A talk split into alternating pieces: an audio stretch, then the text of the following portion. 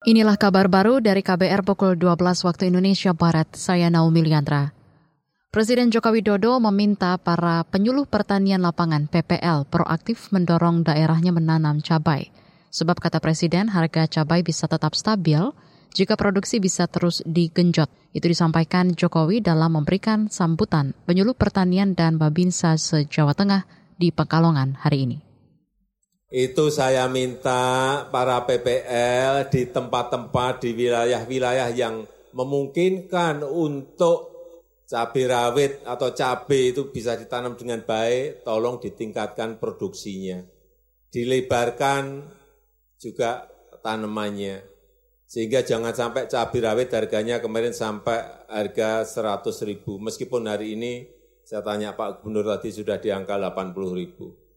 Sebelumnya dalam sebulan terakhir harga cabai meroket di sejumlah daerah.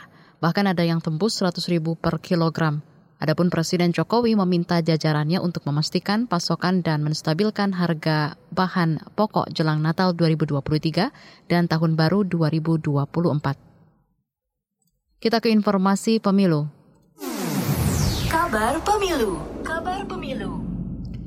Dewan Pembina Perkumpulan untuk Pemilu dan Demokrasi Perludam Titi Anggraini menilai janji-janji yang disampaikan para calon presiden pada debat tadi malam harus terus menjadi diskusi publik.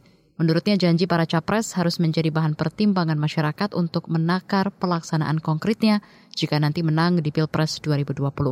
Sesu, uh, pengkonfirmasi tindak lanjut yang lebih konkret dalam uh, pelaksanaan metode-metode kampanye yang lain bisa memanfaatkan uh, dialektika melalui media sosial, bisa memanfaatkan dialektikanya melalui pertemuan terbatas atau kampanye tatap muka yang melibatkan calon.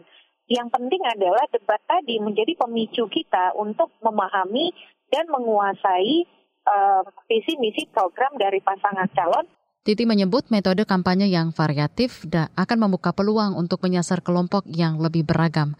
Sebelumnya malam tadi ketiga capres dari nomor urut 1 Anies Baswedan, nomor urut 2 Prabowo Subianto, dan nomor urut 3 Ganjar Pranowo tampil dalam debat perdana Pilpres 2024 di gedung KPU Jakarta.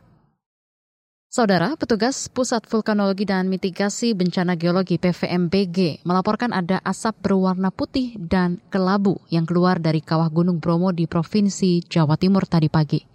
Ketua Tim Kerja Gunung Api PVMBG Ahmad Basuki mengatakan, asap kelabu yang keluar dari kawah gunung api umumnya merupakan tanda awal erupsi. Ia menyebut pantauan PVMBG melihat kawah utama Gunung Bromo mengeluarkan asap putih dengan intensitas tipis hingga tebal setinggi 50 sampai 700 meter dari puncak gunung. Selain itu, PVMBG mencatat gunung api itu mengalami satu kali gempa tremor menerus yang terekam seismograf memiliki interval 0,5 hingga 1 mm. Tingkat aktivitas Gunung Bromo saat ini masih di level 2 atau waspada. Warga diminta tidak mendekati area dalam radius 1 km dari kawah Bromo serta mewaspadai kemungkinan terjadi erupsi. Saudara demikian kabar baru dari KBR, saya Naomi Liandra undur diri.